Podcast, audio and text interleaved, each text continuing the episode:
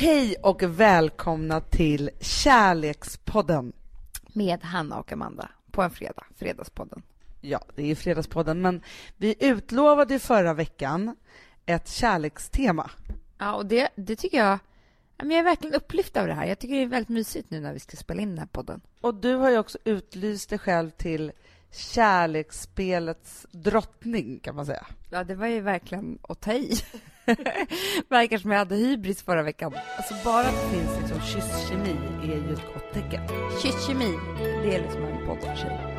Så därför spelar det ingen roll om man ringer en gång eller 10 000 gånger. För är den här personen superkär i en, ja men då är en gång eller 10 000 gånger toppenbra. Ja. Jag kommer aldrig lämna dig eller låta någon annan göra dig illa heller. Det var ju på tal om det här med din bok Sex and the Mamma och Liv som kommer ut nu. Där jag är någon slags expert till dig. Ja men det är det verkligen. Och äh, jag är en kontrollmänniska. Mm. Om en kille då var så här, ah, vi kanske ska hitta på någonting.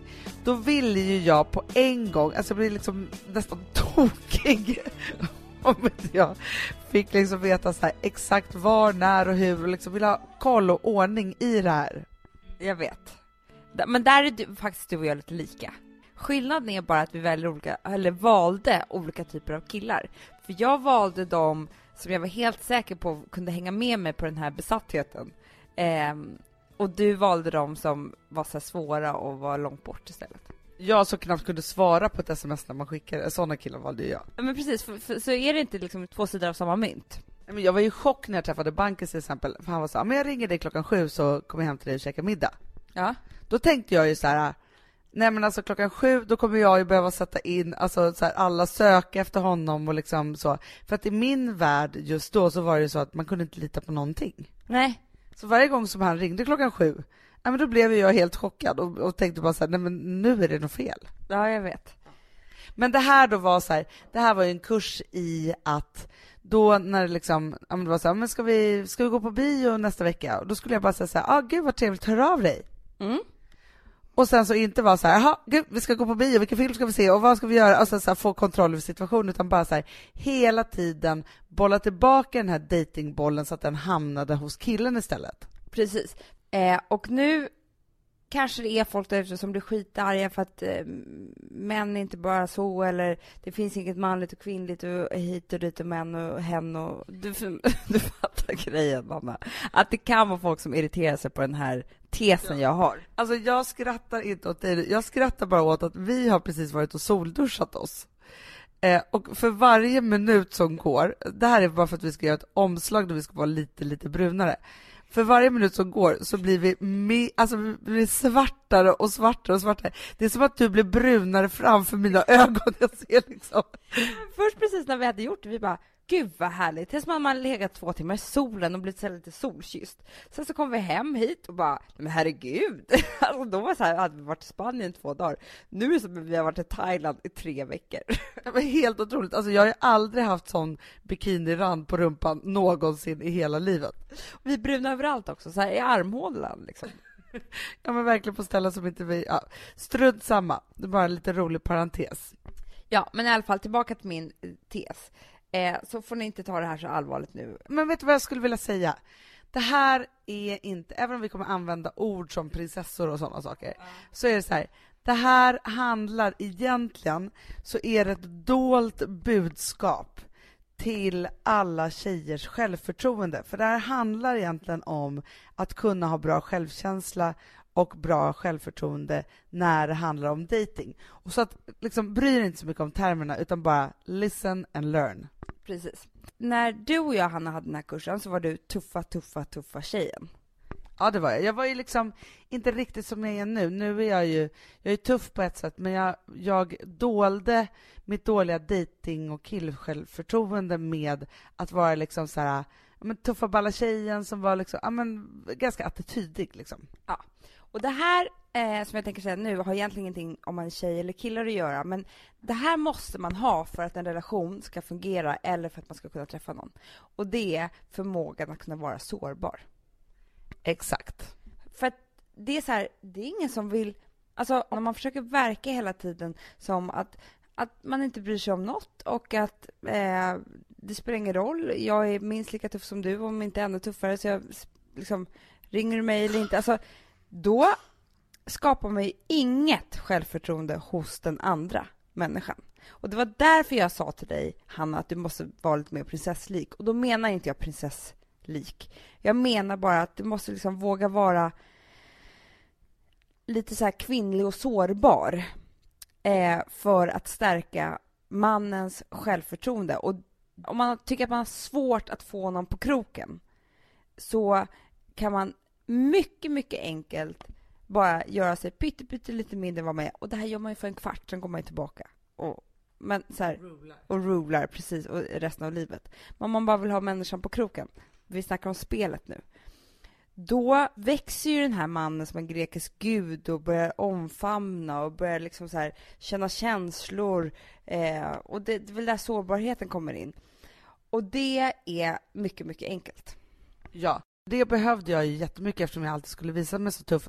Jag var ju alltid så att jag låtsades att jag inte behövde någon kärlek i hela världen. Och då är det ingen som är så här, ja men ska vi dejta och kanske liksom ska vi göra det här? Men faktum är att du påminner mig ju om det här precis hela tiden. Ja. Och det är ju i alla möjliga olika situationer. För det här handlar ju egentligen om att ta in sin partner i sitt liv. För jag kan ju vara lite så att jag kör mitt egna race. Ja, och det är inte tre... Alltså, för då, då har man ingen relation, kan jag känna. Alltså, ingen bra tror jag, för att man måste våga, och så tror jag att det är med vänner också. Man kan inte bara stå still och så här, jag klarar mig själv och kan allt själv och behöver egentligen ingen av er, men det är kul att ni finns. Alltså, jag tror inte att det blir en bra relation av det. Nej, och det var till exempel som när du liksom påminde mig om det. Jag var ganska nygravid med Vilma och jag var på Gotland själv med eh, Rosa eh, och Bankis var då i Stockholm. Och så helt plötsligt fick jag en blödning. Mm.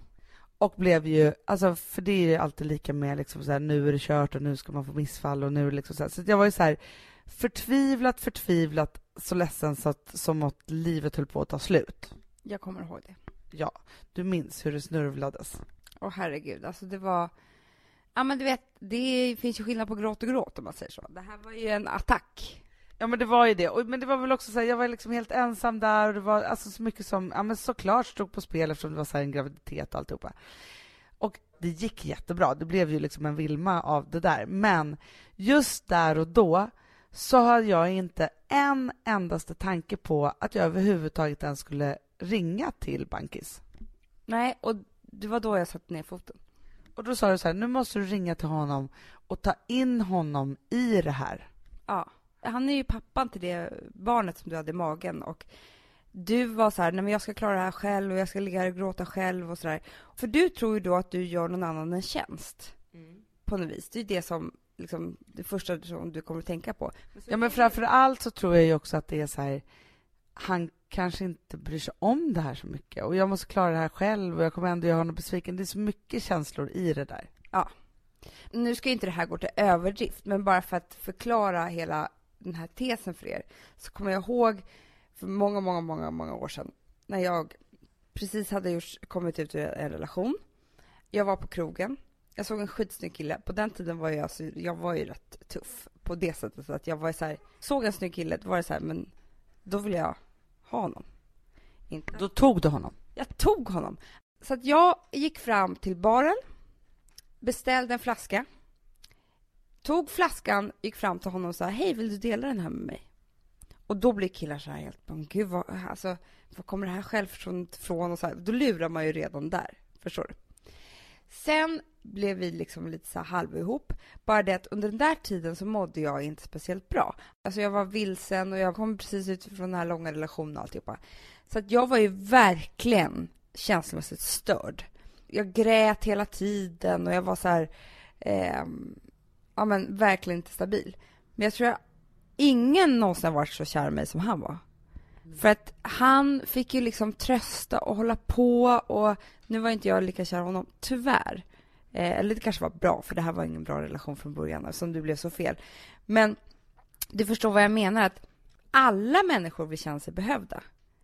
Det vill man, det ligger hos oss. Så att som du då, att du inte ens eh, skulle ringa till banken och berätta det här fast du var jätte, jätteledsen. Och så fort du hade gjort det, då blev det ju jättehärligt för han blev ju orolig och ville komma dit och så, Ja, men man hamnar ju varandra väldigt, väldigt nära. Nu hade vi varit ihop ett år och jag var nygravid och alltihopa, men till och med där så har jag liksom svårt att liksom använda mig av mina sårbara sidor för att liksom få en relation att fungera. Men och det måste man säga, det är väldigt läskigt att vara sårbar. Det är ju det läskigaste som finns, för man blottar ju sig totalt. Ja, men om man då ska prata om lite lightare grejer så handlar ju din sårbarhet i första hand om precis, precis när man har träffats. Ja, precis. Och då är det väl en blandning eh, av att vara precis som du sa det här med när du är med dating att liksom bolla över bollen, att vara så pass säker så man är, inte är så här, men vad ska vi ses då? Eh, kan det på måndag? Alltså liksom, utan bara så här, vore jättetrevligt med dejt. Mm, hör av dig när du... Jag trodde du skulle börja gråta. och, det, och sen bara bryter man ihop så han man får känna att han kan trösta Sen gråter man loss. Nej, men en blandning av det, att liksom vara lite så flyktig i det där, men också sen så här, våga visa sig sårbar och liten och allt det där, för att då, de, de går ju bananas. De gör ju det. Det är det som är tricket.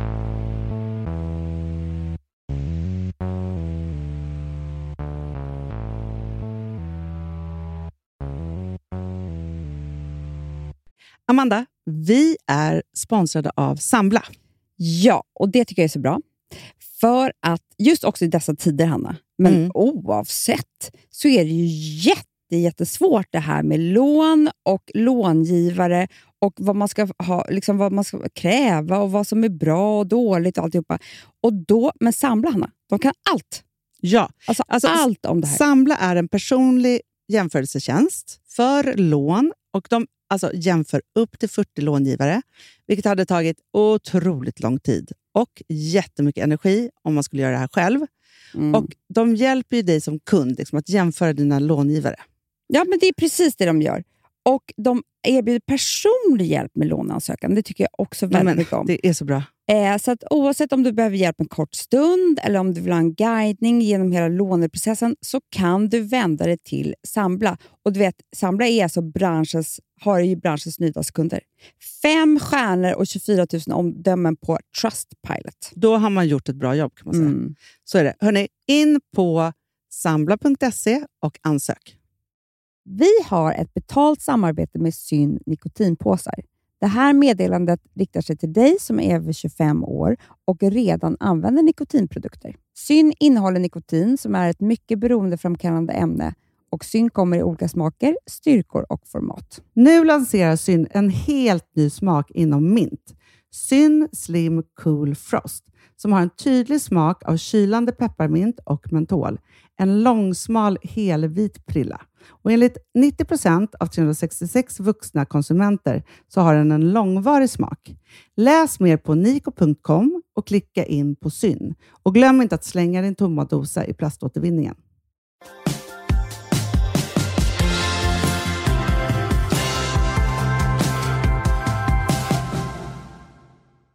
Du Amanda, vi har ju faktiskt fått lite kärleksfrågor sen vi uttalade här i förra podden att vi skulle göra det här. Mm. Och det är himla kul. Jättekul. Så jag tänkte att jag skulle köra här nu med första frågan. Hej Hanna och Amanda. Jag skulle bli superglad om jag fick lite råd av er.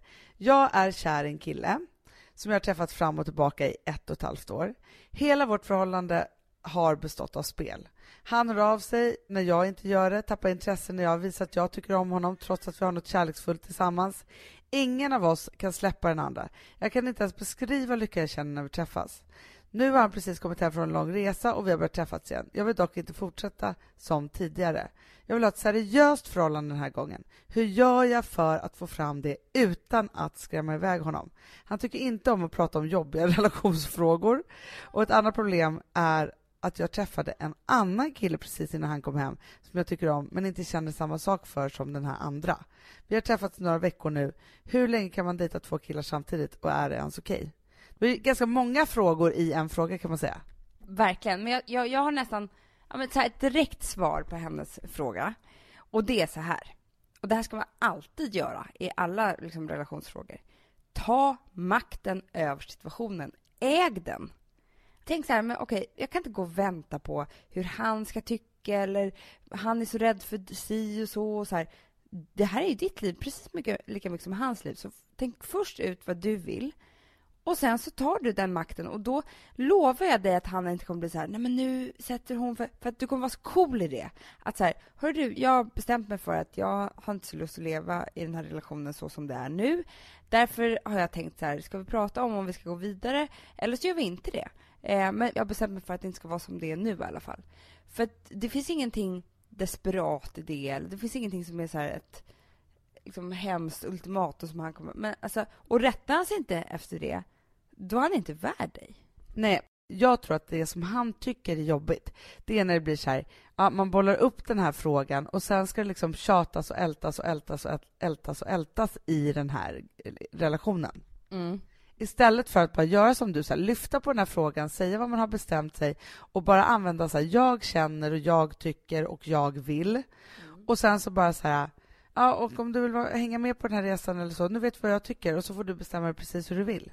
Det där har, där har du så rätt, Anna. För det är det som blir så läskigt, att man så här, lägger över hela ansvaret på någon annan och så känner den personen sig otillräcklig för att den inte kan besluta allt det här så blir det bara läskigt och pannkaka av alltihopa.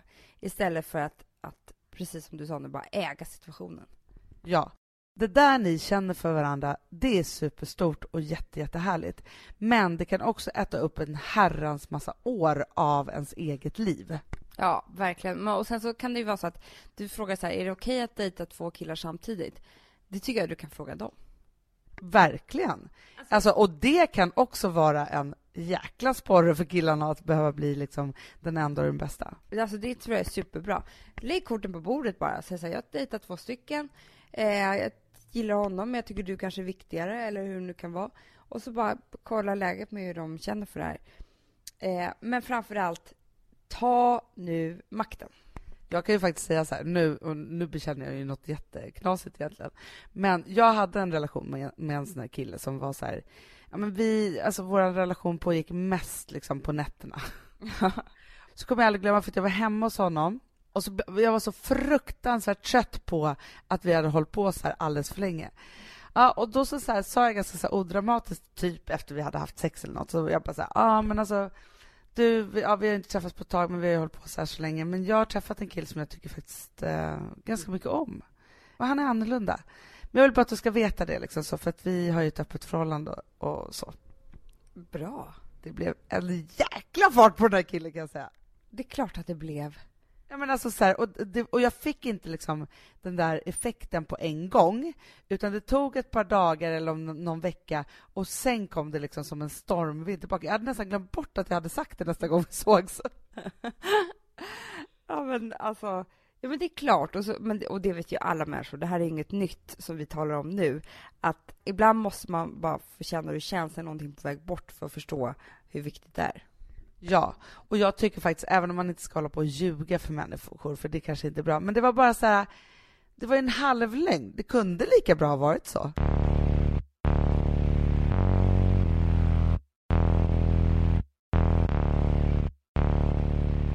Woof, woof.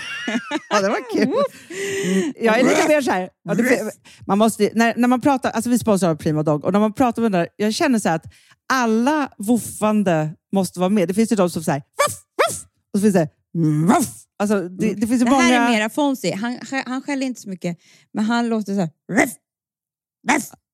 Han har sån. Eller hur? Så, ja, det har han faktiskt. Får jag, säga, jag skickade ett klipp till dig. Contemporary dance med hund. Du, det är så Fonzie dansar när han får prima dogmat. För att, ja. Vet du varför? Den är så snäll mot magen. Han får en helt bekymmersfri vardag. För du vet, magen, den måste man ta hand om. Verkligen. Nej, men så här, och Prima Dog har ju torrfoder, våtfoder, godis och tugg i sortimentet. Alltså tugg är ah. som de skulle hålla på att tugga på. Det är, faktiskt, det är Fonzys favorit faktiskt. Tugget? Ja, men han har ju också börjat älska våtfoder. Mm Han skulle jag det också kanske tycka var go- Ja, gott. men jag, jag förstår honom faktiskt. Men det är alltså vetefria produkter med mycket kött. Och det är det som jag tror är så bra. Produkterna finns ju online, i välsorterade djuraffärer och i dagligvaruhandeln. Alltså jag skulle vilja att du och Fonzie lär er contemporary dans. Det var ju som agility fast med dans. Mm, ja, ja, vi ska Ah. göra det. Jag tror att Prima Dog kommer vilja ha oss som ansiktet utåt Ja, men det är det jag känner. reklamfilm. Ni dansar er fram till... Alltså för deras, jag älskar ju deras eh, liksom tagline och det är Taste of Nordic Happiness. Och liksom, Då måste dansen vara med. Ni kan gå in och läsa mer på primadog.se och snart se mig och Fonzie i en dans på en skärm nära er. Underbart! Du Amanda, Ja, vi är sponsrade av All I Am. Det är det mysigaste. Alltså för det första, två produkter vill jag prata om. Mm. Det ena är blusher drops. Ja. Ser du på min kind? Jag ser. Det är någonting, det är alltså så här peachy, liksom, eh, kan man säga, färg. Men, och jag har ju alltid lite rouge innan, så jag har ju Mm. romantic plum innan. Men det, det som är att det är någon så här hyaluronsyra, det är massa olika grejer som gör att det plampas och blir glowigt och typ slätt. Jag vet inte vad det är. Nej, men alltså man ska säga så här. Peachy glow solving everything. Så är det. Så. Nej, men så här, oh my god, jag har en känner man kind, lite- jag har ett käkben. Ja men också så här, på sommaren när man då är brun och då får man lite ros på kinden och alltihopa. Bara lägga den där. Ja, och lite på ögonen, Ja. lite på näsan. Alltså jag är tokig i... Ja, men det är ju blush och highlighter i ett. Om man lite över läppen också. Ja. Nej, men alltså den är, nej, men alltså, man ser så nykär ut när man har den på Det sig. här är ju nästan, efter glow primern, är det här den produkt som när folk sätter på sig den första gången så är det så här: wow, nej men Mm. gud, här, oh my god, nej jag måste ha mer. Att det, man, blir, man blir galen alltså. Helt galet. Du, sen är det ju så att man behöver ju också glow för kroppen. Och nu har ju liksom Ola Jäm och vi eh, tagit fram den ultimata glowing oilen. Alltså för Nej men, nej men snälla, dels så doftar den så gott, Mm. den är eh, massa fukt i, men den kladdar inte. För det är det med olja annars, det är så här, hur ska jag kunna sätta på en kläder efteråt? Mm. Eh, och så är det ett litet, litet, litet skimmer som nu alla ben och armar och dekolletage behöver, för vi, inte, vi har inte den här sommarbrännan än. Men även när man har brännan behöver man ju det. Men alltså, nu känns det så tryggt. Ja, men när man har sommarbrännan, då blir det så snyggt så att det inte är klokt. Och till man har sommarbrännan, då kan man liksom fuska sig snygg. Verkligen. Så. Och när ni ändå, för nu har ni en kod och det är Fredagspodden 20 som ger 20% på ett helt köp på H&M. Och då skulle jag säga en grej till. Ta hem också dagkrämen med SPF 30. Mm. Finns ingen bättre dagkräm och ni måste ha SPF nu.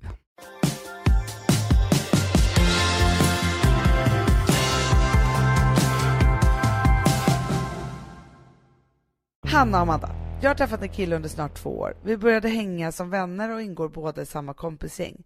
Vi har alltid haft en dragning och ett gott öga till varandra, men vi har aldrig liksom kommit till skott. Han har dejtat en tjej, men de slutade träffas för några månader sedan och det verkade inte vara ett bra förhållande som fungerar så bra. Vi hörs av dagligen, men mer på ett kompisplan, men väl på fester och liknande så slutar det ofta med att vi hånglar och sen så händer det inte så mycket mer. Vi säger att vi ska gå ut och ta ett glas ihop, men det blir aldrig av. Jag börjar förstå att jag faktiskt är kär i honom, men har verkligen ingen aning om hur jag ska gå vidare. Jag vill konfrontera honom och fråga om vi ska ta detta steg längre, men livrädd för vad som händer om han säger nej. Främst för att vi hänger i samma gäng och även är rädd för att bli ratad. Och håller på att bli tokig och skulle behöva en liten guidning. Rolig fråga. Eller liksom, den var intressant för det var, man, kan ju se, man ser ju hela det där framför sig. Ja men det är en exakt situation och man har ju varit i den ett par gånger själv. Och då kan jag säga nummer ett, så är det så att det här med att man ska vara rädd för att han ska säga nej och så vidare och hur det kommer bli i kompisgänget om de måste avsluta det här eller så här. Så är det så att allting som någonsin är påbörjat på något sätt, om det är en hångel på krogen eller vad det nu är, så måste det alltid avslutas också. Så att hon har ju redan påbörjat någonting, så att det, hon är liksom, det är inte så att hon, om, om hon nu frågar om dejten och det blir nej, alltså det, det, allting är redan igång. Förstår du vad jag menar där? Ja, men jag tänkte lite på vad vår mamma alltid, alltid har sagt till oss. Ja. Hon brukar ju alltid säga så här när man varit så här, ah, men gud ska man ringa eller inte? Och så, så, så. Och då har hon alltid sagt så här, men hörni, man kan ju inte undvika sanningen. Nej. Så därför spelar det ingen roll om man ringer en gång eller 10 000 gånger. För är den här personen superkär igen, ja men då är en gång eller 10 000 gånger toppenbra. Ja. Är den personen inte kär igen, då spelar det inte heller någon roll om det är en gång eller 10 000 gånger, för det kommer vara lika jobbigt. Ja, men så är det ju. Och det där glömmer man ju bort ibland, för att man tror liksom att att om man ringer en gång och säger sådär smart, då kommer det bli kärlek. Fast om man inte sa så smart och det var si och så. Alltså man håller på väldigt mycket med meningar och alltihopa i hjärnan, men det blir inte bättre än vad det är om inte känslorna finns där. Och det där kan man ju släppa för att ni vet ju hur det är när man väl blir kär. Då kan killen aldrig ha fel byxor på sig. För att man tycker att fortfarande vad, vad han än på sig att det är den gulligaste lilla byxan man någonsin har sett. Alltså det där med att man tror att detaljer som liksom ska hjälpa en på något sätt, det går inte. Men jag tycker så här, om man ska ge ett råd, för att för det första så här, du beskriver hur ni har hånglat eh, och så blir det inget mer och så vidare. Så här. Bara att man har hånglat är något väldigt, väldigt positivt. Och flera gånger också ju. Ja, för jag minns också så här, jag hade en kompis som hade en killkompis i något gäng och de höll ju på liksom, ja men så här, hon kände en massa känslor men det hade aldrig hänt någonting. Till slut så konfronterade hon honom och han var bara så här, nej men vi är ju bara kompisar. Alltså det var helt fel. Mm. Och då tänker jag bara så här att har man i alla fall hånglat, då har man i alla fall liksom ett bevis på att det finns en attraktion och att det funkar. Ja, och det vet vi ju. En kyss säger väldigt, väldigt, väldigt mycket i kyssen finns ju väldigt många svar på saker och ting. Alltså om kemin funkar och om det är som ett litet förspel till allt det här andra som man ska hålla på med om man skulle bli ihop. Jag har träffat killar där kemin inte finns. Alltså man känner så här, men gud, vi har det så trevligt. Jag kan inte tänka mig att äta en middag med en annan och vi har så underbart och trevligt och, och, och vi skrattar och vi är vänner och eh, allting funkar skitbra. Men när vi ska försöka oss på de där kyssarna så funkar det liksom inte. Alltså bara att det finns liksom kysskemi är ju ett gott tecken. Kysskemin, det, det är liksom en podd för sig. Verkligen. Men du, hur ska hon nu göra då? då? För att jag känner igen mig, jag har varit i den här situationen, man är helt så frustrerad, man vet inte hur man ska ta det vidare, man vill inte trampa någon på tårna. Och då känns det ju bara som att det finns en utväg, eller hur Amanda? Ja, du måste ta reda på vad det här är. Och då tycker jag att man kan ta till ett trick som är så här. Hur skulle det vara i filmen? Mm. För att om man tänker på filmen, den där romantiska komedin man själv skulle vilja se, så fort man tänker så, så, så gör det inte heller om, man, om det blir så misslyckat, för att det hör ju också till filmen, förstår du? Det slutar ju alltid gott ändå. Så att den där scenen blir ändå en scen. Men du, jag måste faktiskt säga det om när man blickar tillbaka och tänker på alla såna här framstötar man har gjort, eller man har ringt någon eller man har frågat, alltså sen när man har gjort det där supermodiga som verkligen liksom har frågat om den där dejten eller ja, vad man nu har gjort för, för modigt, så även om det blir bra eller dåligt så ångrar man ju aldrig att man gjorde det där efteråt. Nej men det gör man inte. För det första så har man ju stått upp för sig själv och då känner man sig så här cool och modig eh, och gillar sig själv för det. Och för andra så blir det oftast bra, för det är klart att hon inte tänker helt fel om de redan har hånglat och så vidare. Och blir det inte det, så får man så här, lägga den storyn till historien. Att det är så här, det gör henne en erfarenhet rikare, det är lite mer som filmen och gud vad hon kan prata med sina kompisar om det där sen. Och så blir det så här, alltså hon kommer alltid gå ut som vinnaren. Han kommer gå ut som förloraren om han tackar nej till henne. Så därför så är det också så här, ju mer storslaget det är, desto bättre. För storyn är den man kommer med sig resten av livet. Det är precis så jag tänker med filmen. Alltså det är därför du måste gå all in. För gör du bara lite halvdant, det blir ingen story av det. Och det blir så här flummigt och du vet inte vad som hände eller sa han ja eller nej eller så här. Nej men, alltså, åk dit en helikopter. Och, ja men du fattar vad jag menar. Ja men jag har ju fått såna. Jag har ju faktiskt i livet åkt så här, taxi till andra städer i Sverige. Ja mitt i natten för jag bara känt så här, jag måste ha svaret nu. Det är bra det. Helt manisk. Men ändå så älskar jag att jag gjorde det där. Jag har liksom stått och bara så här, det var helt fel och liksom den här personen kanske inte öppnade eller var hemma överhuvudtaget. Man har liksom gjort de där sakerna. Men jag tänker också så här, jag tror inte på efter de där kyssarna eh, och med kompisgänget och alltihopa att man ska ta så här, eh, nej men nu tar vi det där glaset. Nej, vet du vad du gör nu? Bjud hem de tjejkompisar som du tycker mest om med vildast hjärnor och så sätter ni er hemma med en flaska vin och så säger du så här, okej, okay, eh, är ni med på nu att jag ska ta reda på vad det här är? Kan ni hjälpa mig med en plan? Mm, så kommer ni fram till någonting hur du ska nu göra det här. För då har du också en famn hos alla de här tjejerna att gråta ut och ta en, en flaska vin när det blir fel efteråt. Mycket bra. Eller några att fira med. Så att det blir som ett event hela grejen, för då tar man bort det lite från sig själv på något sätt. Jag tycker nästan, alltså man kan ju också köra tricket, Du bjuder ut honom på blind date, men han vet inte vem det är som ska komma dit och så är det du som dyker upp. Så att du har honom i ditt våld. Du vet att ni kommer ha en trevlig middag i vilket fall som helst och så bara kör du. Börja med ett tal. Ha bröllopsklänning. Jag skojar. Hej! För fyra år sedan så blev jag dumpad av mitt ex. Vi bodde ihop och hade ett urhärligt förhållande. Tills det en dag visade sig att han hade varit otrogen under en längre tid med en kollega. Jag blev såklart helt trasig och vi gjorde slut med allt vad det innebär. Sen dess har jag varit livrädd för att träffa någon ny. Jag är liksom inte beredd att bli sviken eller sårad igen. Jag tänker att det inte är värt att bli så här ledsen igen och känner mig alltid övertygad om att jag kommer bli dumpad och sårad. Detta gör att jag tar avstånd och inte går in i allt dejtande som annars är så härligt. Hur ska jag få igång dejtandet och inte känna att det hela tiden handlar om liv eller död?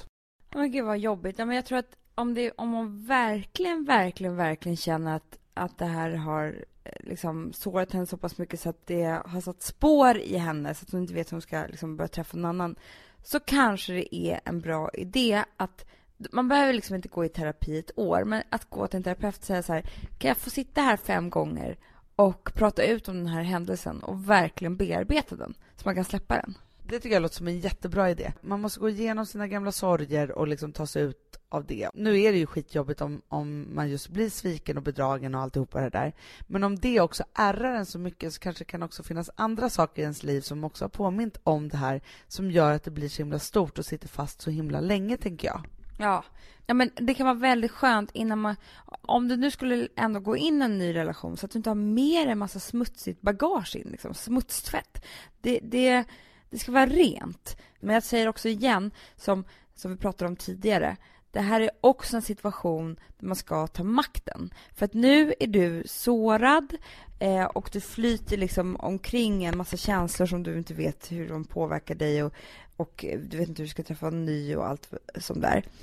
Ta istället, och då kan det också vara så här, skriv ner eller sätt dig med en tjejkompis eller vem du kan vara, vara så här, okej, okay, det här har hänt mig, det här känner jag därför, och så här, ut med det, försök gråta så mycket du bara kan en sista gång, och bestäm dig för att om en månad till exempel, då ska jag gå vidare. Och det ska fan mig funka, för att tills dess ska jag bara gå och vara världens gråaste mus. Eh, och bara så här, vara inåtvänd och trist och inte ens tänka på att träffa någon. Men 14 maj, då jävlar, då börjar jag min turné liksom. Eh, för att tankens kraft är väldigt, väldigt stark och det kan ju verkligen hjälpa en. Sen kanske inte det här funkar exakt så här ändå, men jag, jag tror verkligen att det kan hjälpa till. Jag tror att du har helt rätt. Och sen så tänker jag också påminna om en helt annan sak som man faktiskt kanske inte tänker på där då. Alla män är inte otrogna. Nej, verkligen inte. Och jag tror också att just det där att sätta sig liksom i terapistolen fem gånger är också det här för att inte tro att man ska gå på samma sak igen. Kanske bestämma sig för att det kanske är slut med de där killarna på just den där hyllan. Jag ska gå till en annan hylla där det finns snälla, trogna killar som inte alls kommer bedra mig. Och verkligen liksom göra om och göra rätt lite. För det kan man säga att det gjorde ju jag. Mm. Och det är klart att jag var livrädd att jag skulle träffa liksom samma typ av kille igen. Man är alltid rädd för att man ska liksom vara med om tråkiga saker en gång till och man behöver verkligen bearbeta det. Men också att inte lägga skulden på dig till exempel, att utan verkligen tänka så här, fast det var inte du som var otrogen. Det, alltså så här, det är ju orättvist att du inte ska våga träffa någon ny, när det faktiskt är så att det är du som är värd all ny kärlek i hela världen. Och det finns en massa härliga män som inte är dumma, som kan ge dig den. Ja, men sen så tror jag också att det kan vara en tanke att när man träffar då en ny, att så här, från början vara ganska ärlig och vara så här, jag har några sår liksom från min förra relation. Jag blev bedragen och så här, försök att inte skämmas för det utan bara så här, visa sin sårbarhet, för det är ju bara fint. Alltså det där är ett dubbeltips, Amanda. Här har man ju riktig sårbarhet att ta in i början så man kommer väldigt nära och den här killen kan få ta hand om en. Men alltså killen, du, vet, du fattar inte vad som kommer hända. Just då är han så superförälskad också. Och så drar man igång den här. Då kommer han ju vara så här. Du, jag kommer aldrig lämna dig eller låta någon annan göra dig illa heller. Nej, jag vet. Den är jättebra. Jag gjorde ju lite som bankis. Jag vet. På vår andra dejt. Alltså, jag la så många kort på bordet. Jag berättade allt om allt hemskt jag någonsin hade varit med om. För jag tänkte bara så här, om han blir skrämd av det här, ja men då är han skrämd. Men det blev ju tvärtom. Ja men det är klart att det blir. Och det, men jag tror att man skulle uppskatta det själv. För att annars kan man ju gå och undra så här, vad har han för hang-ups eller vad är det här eller så här. Om han faktiskt har berättat det och man kan så här, gå vidare med det tillsammans och hjälpa och då blir han också en viktig spelare i hans liv. Eh, jag tror att det är skitbra. Sätt ett datum då det är slutsurt. Våga skaffa en ny kille. Lägg alla korten på borden. Våga vara sårbar och allt det här. För du har faktiskt varit med om det här och sånt tar man ju med sig. Och gå i terapi om det blir allt för jobbigt, om du känner att det inte kan gå vidare.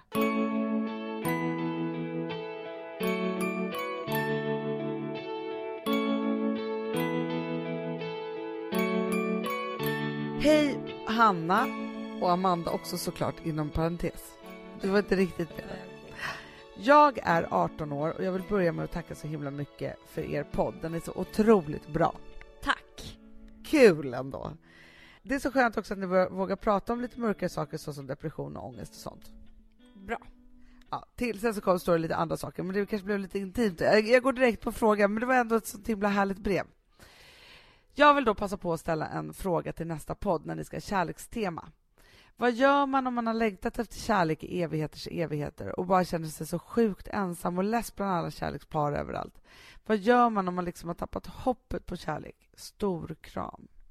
Åh, sorgligt. Eller, jo, men det är ju sorgligt som hon inte vill vara där hon är eh, längre. Nej, men det är ju det. Men så här tänker jag. När man är 18 år så kan det ju kännas precis så där. Och det kan ju också kännas som att man aldrig någonsin kommer att träffa någon någonsin. Men vårt bästa tips, det brukar ju vara att man inte ska försöka tänka så mycket på huruvida man ska träffa någon och hur mycket kärlek man ska ha i sitt liv när man är just 18 år. Men framförallt så tror jag att, att du inte ska sätta en stämpel på dig själv. Så här, men jag är den som aldrig kan träffa någon eller jag är den som inte har någon kärlek i mitt liv. För att då börjar du själv tro på att det är så och liksom alla andra också eftersom du utstrålar det och så här. Utan försök att bara omförvandla det här till så här att jag är mellan relationerna liksom. Bara försöka göra det här till något härligt istället. Det brukar jag säga till folk som är så här, men gud, jag har inte träffat någon. Nej, men du kanske gör det imorgon och sen som en kvart, då står du där och är skitsur för att eh, han diskar dåligt eller vad det nu kan vara. Alltså njut nu! För liksom, det är ju skithärligt att ha kärleksliv, men det innebär ju också ma ma andra massa saker. Så att passa på att så här, vara den singelpinglad du är, för det kan komma en dag där du saknar det sen. Och någonstans, just när man är 18 år så tänker man att allt är evigheters evigheters, fast egentligen bara i ett ögonblick sen när man har liksom blivit lite äldre. Så att försök verkligen att njuta. Och sen så också så att, att ändra liksom tankebanan. När du ser ett härligt kärlekspar, bli inspirerad då istället. Istället för att tänka på så här, åh nej, det där är inte jag, så ska du tänka så där, det där kanske jag om en kvart, gud vad härligt de har det. Att liksom så här, våga tänka positiva tankar runt kärlek. Och våga dröm också. Våga liksom vara så här, åh gud, undra vad jag kommer att träffa för kille. Här går det en massa härliga killar på, på liksom jordklotets yta som inte vet om att snart kommer de stöta på mig och kanske bli kär. Exakt. Det är också så att man kan ju faktiskt också söka efter kärlek. Det finns ju hur många ställen som helst idag som man kan, alltså allt från bra eh, dejtingsajter till att man går ut och träffar folk. Eller så här, att vara lite aktivt i sitt sökande om man verkligen, verkligen vill ha någon just nu. Det kanske inte är så att man träffar någon på den där dejtingsajten, men bara att sätta igång och dejta och göra sådana saker, att sätta en alltså massa olika kärleksbollar i rullning, det gör att det slutligen kommer komma en massa kärlek. Ja, så jag tycker du ska tänka så här. Åh herregud, nu har jag jäkligt bråttom att göra allt det där andra som jag kanske inte kommer ha lust med när jag träffat min stora kärlek. För det kanske sker om en kvart. Ja, men nu ska jag liksom segla jorden runt eller vad det nu kan göra. För att det kanske jag inte vill sen. Eller ta det där jobbet eller plugga det där eller vara jättemycket med mina kompisar eller vad, vad, vad det nu kan vara. Och bara se det positivt på, på allt det här. Positiva tankar och våga tänka och drömma om kärlek och inte bara stänga den dörren. För det finns ju ingenting som är så neggigt för kärlek som att bara sitta hemma och vara ledsen. Nej, och du har ingenting att vara ledsen för. Du är faktiskt bara 18 år. Och det måste man säga är verkligen... Jag vet att det är hemskt att säga för du tycker att du är gammal, att det borde finnas kärlek i ditt liv.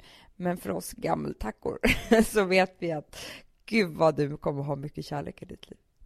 Så otroligt mycket kärlek. Upp och ner och hit och dit och alltihopa. Mer än du orkar med. Ja. Och både härlig och besvärlig kärlek. Så är det. Så är livet. Men du, jag tycker att vi rundar av här lite. Tycker du att du nu har liksom sagt allting som liksom kärleksspelets drottning borde ha sagt i en podd? Nej, det tycker jag inte, för jag tyckte du avbröt mig.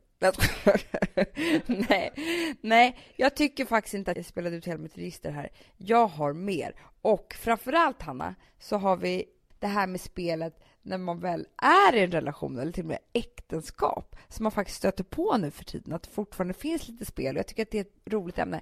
Men vi rundar väl av för den här gången då, så får vi ta upp det här igen helt enkelt. Ja, men man kan ju aldrig någonsin prata klart om kärlek och relationer. Nej, och vi måste gå och duscha nu, för annars blir vi för bruna. Ja, men snart ser jag ut som jag har varit i Thailand i en månad. Ja, oh, gud vad roligt. Men hörni, ha en underbar, underbar helg. Eh, och ja, försök vara så kärleksaktiga ni bara kan. Kyss kemin, glöm aldrig den. Aldrig. Puss och kram. Puss, puss.